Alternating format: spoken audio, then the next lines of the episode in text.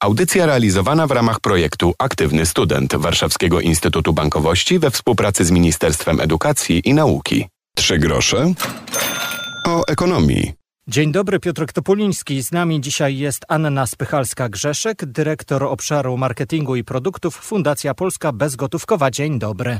Dzień dobry, witam serdecznie, bardzo mi miło. Nam również, tym bardziej, że będziemy rozmawiali o temacie w miarę wyznaczającym nasze czasy, to znaczy o e, płatnościach bezgotówkowych, o tygodniu płatności bezgotówkowych również wspomnimy. Mam wrażenie, że dużo o tym temacie mówimy i to płacenie bezgotówkowo stało się już trochę takim naszym Polaków przyzwyczajeniem. Nas to bardzo cieszy i obserwujemy właśnie tendencję wzrostową już od kilku lat. Y, coraz więcej Polaków przekonuje się do płatności bezgotówkowych i do tych płatności bezstykowych przede wszystkim. Y, no w tej chwili już z naszych badań wynika, że aż 62% wszystkich płatności detalicznych, takich na co dzień w sklepach, w punktach handlowo-usługowych, to są właśnie transakcje wykonywane bezgotówkowo. Dla porównania powiem, że w 2018 roku, kiedy startował chociażby nasz program Polska Bezgotówkowa, było ich 43. Także z 43 na 62 przekroczyliśmy połowę i ta tendencja cały czas idzie do góry. E, ale to jest, te transakcje bezgotówkowe to jest taki obszar powiązany z innymi, ponieważ rośnie również ubankowienie Polaków. 85% Polaków posiada już konta bankowe, gdzie w najniższych grupach wiekowych, e, wśród osób tam e, takich nastolatków do, do 26 lat, aż 91% posiada już to konto bankowe, co bardzo cieszy. 80% emerytów już dostaje emerytury, prawda? Nie, nie, nie pobiera ich w kopercie w okienku, tylko otrzymuje na konto bankowe. To też bardzo cieszy i to jest ten drugi obszar. A trzeci obszar, którym się również w naszej fundacji zajmujemy, to jest obszar dostępności płacenia kartą, czyli obszar e, infrastruktury płatniczej, czyli terminali płatniczych. I ten obszar też rozwijamy. E, I coraz więcej jest właśnie miejsc detalicznych, ale także punktów handlowo-usługowych, przedsiębiorców, którzy instalują terminale płatnicze i dzięki temu my możemy u nich zapłacić kartą. Także to są obszary bardzo ze sobą powiązane. Terminali w Polsce jest już milion dwieście tysięcy, podczas gdy, kiedy startowaliśmy z naszym e, programem Polska Bezgotówkowa, było ich około 560 tysięcy, także to się podwo, podwoiło. Także no, bardzo nas to cieszy, bo te transakcje bezgotówkowe ułatwiają życie, są wygodne, bezpieczne i przede wszystkim no, dzięki nim mo możemy skorzystać e, e, z jakichś do produktów, usług wszędzie tam, gdzie chcemy, tak? Nie jesteśmy ograniczeni co do tej dostępności gotówki w portfelu. Możemy łatwo, szybko e, coś zamówić, zapłacić za coś tam, gdzie właśnie ta transakcja bezgotówkowa jest możliwa i dostępna. No i wydaje mi się, że też, że nie dziwi już widok na przykład na bazarku e, terminalu tak. płatniczego, ani tego, że starsi klienci, nasi dziadkowie, nasze babcie również sięgają po kartę, choć ten proces edukacji też w różnych rodzinach różnie wygląda. Przechodziłem przez to, ale korzystają. Tak.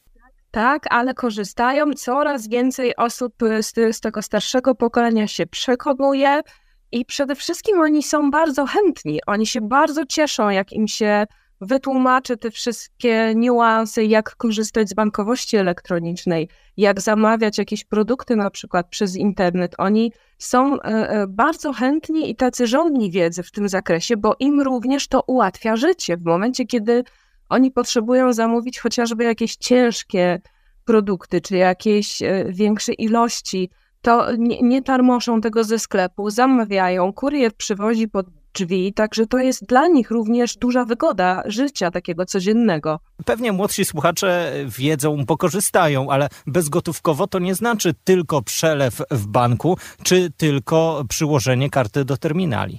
Tak, oczywiście. To określenie płatność bezgotówkowa y, jest dosyć szerokie i obejmuje wiele różnych możliwości i narzędzi.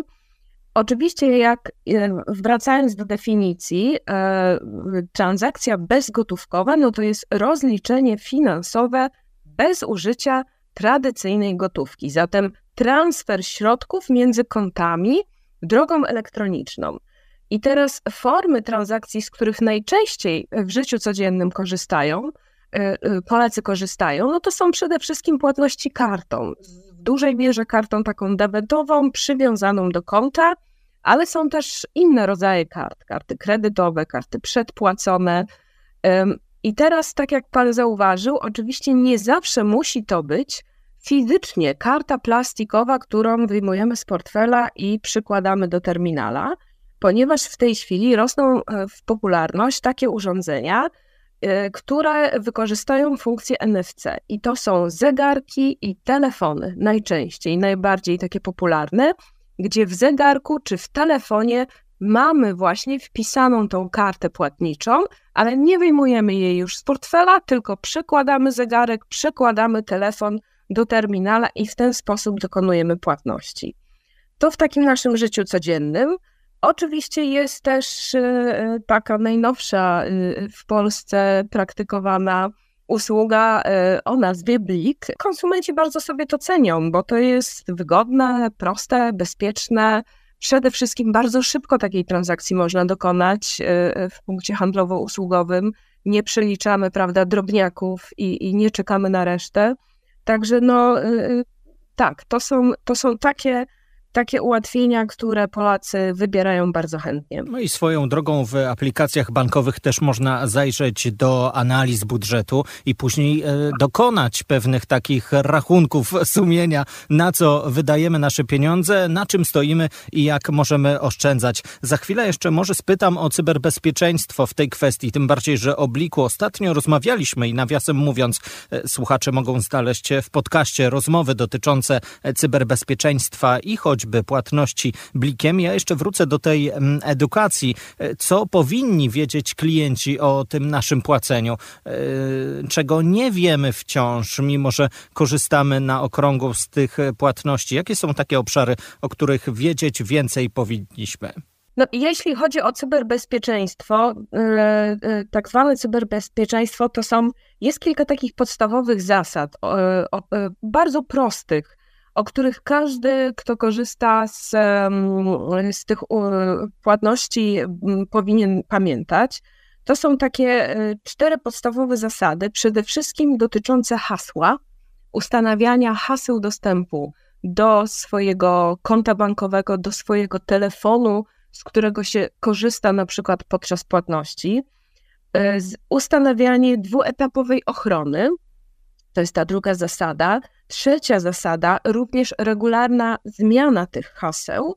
I czwarta zasada, instalowanie legalnych programów antywirusowych na swoich komputerach, na swoich urządzeniach, z których się korzysta. To są takie cztery, można powiedzieć, kluczowe reguły, o których zawsze powinniśmy pamiętać bardzo dużo młodych ludzi, którzy są, e, prawda, tacy e, obyci z, mm, z komputerem, ze, ze światem wirtualnym, którzy korzystają na co dzień e, z płatności w internecie, płacą zegarkiem, płacą telefonem w sklepach, ale na przykład okazuje się z takich badań, które tutaj dostaliśmy e, z EY, że oni w ogóle nie pamiętają o tych zasadach, nie aktualizują haseł, nie stosują tej dwuetapowej ochrony.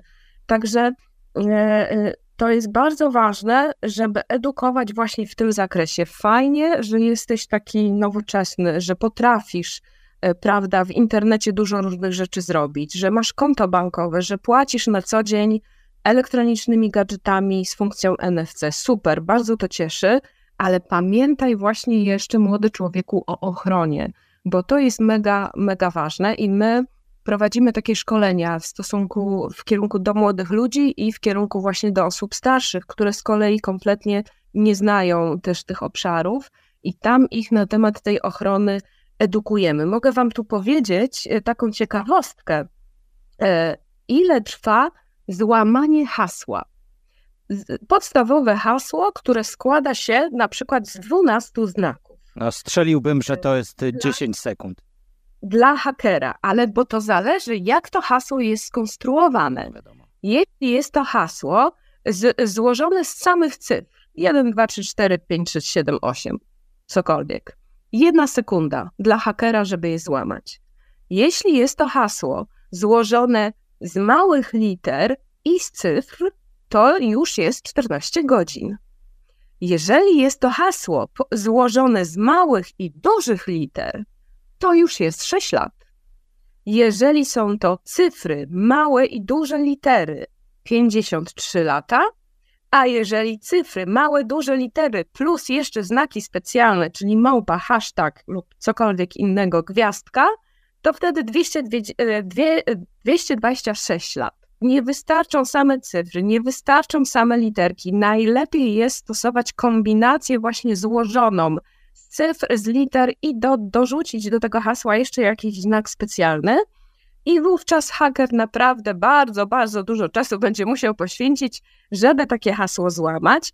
To jest jedna rzecz. A druga rzecz, pamiętajmy o takim aktualizowaniu, zmienianiu, odświeżaniu tych haseł. Nie posługujmy się jednym przez 10 lat, tak? To są takie, takie podstawy, można powiedzieć, tego cyberbezpieczeństwa. Wspomnijmy jeszcze o tygodniu płatności bezgotówkowych, bo to jest inicjatywa, która rok w rok powraca i mamy tego efekty, które omówiliśmy przed chwilą, to znaczy częściej, chętniej korzystamy z płacenia bezgotówkowego w sklepach i coraz więcej miejsc, terminal ma i taką możliwość do płacenia bezgotówkowego. Tydzień jest trochę takim finałem i otwarciem nowego etapu w kwestii edukacji i promocji tej idei. Tydzień Płatności Bezgotówkowych jest to taka specjalna akcja organizowana już po raz kolejny przez naszą fundację Polska Bezgotówkowa. Y, dzięki tej akcji chcemy przybliżać płatności bezgotówkowe, wskazywać konsumentom, przedsiębiorcom, jakie one są łatwe, wygodne, jak z nich korzystać. Na stronie macie również quiz. Można się przetestować z tego, o czym przed chwilą też rozmawialiśmy. Na stronie y, Polska Bezgotówkowa y, znajduje się taki opracowany przez ekspertów y, z dziedziny finansów bardzo fajny quiz edukacyjny, gdzie odpowiadamy na 15 pytań i wyskakuje nam wynik, czy jesteśmy specjalistą, czy jesteśmy ekspertem, czy jesteśmy mistrzem w zakresie wiedzy na temat płatności bezgotówkowych. Zachęcam do przetestowania się i sprawdzenia, ile naprawdę wiemy. W zależności od tego, jak rozwiążemy quiz, pokazują się nam również materiały edukacyjne, z których możemy czerpać i w których tą e, naszą wiedzę możemy sobie pogłębić. Także zachęcam do sprawdzenia się. Płacenie bezgotówkowe telefonem, czy opaską, czy zegarkiem, no jest bezpieczne, jest to mechanizm zabezpieczony i też, nawiasem mówiąc, my nie płacimy dokładnie tą swoją kartą, tylko jakby jej kopią, więc możemy zachęcić słuchaczy do tego, by czytać, wiedzieć więcej, zmieniać hasło, o czym było i po prostu nie bać się tych nowych technologii. Oczywiście zachęcam, są one bardzo bezpieczne, trzeba umiejętnie z nich korzystać oczywiście, ale to są technologie wymyślone przez ludzi, dla ludzi i no, świat idzie w tym kierunku, że mamy coraz mniej czasu, coraz szybciej, wygodniej chcemy żyć, więc wydaje mi się, że to jest taki kierunek już e, e, nie do zawrócenia i, i, i, e, i warto z tego korzystać na co dzień i nie bać się oczywiście. Zachęcamy razem z Anną Spychalską-Grzeszek, dyrektor obszaru marketingu produktów Fundacji Polska Bezgotówkowa. Dziękuję za to spotkanie. Dziękuję również. A ja słuchaczom tylko na koniec przypomnę, trzy grosze o ekonomii, tak nazywa się nasza audycja. Tak nazywa się też podcast, w którym możecie znaleźć tę rozmowę i poprzednie w swoich ulubionych aplikacjach z podcastami. Do usłyszenia, Piotr Topoliński. Audycja realizowana w ramach projektu Aktywny Student Warszawskiego Instytutu Bankowości we współpracy z Ministerstwem Edukacji i Nauki.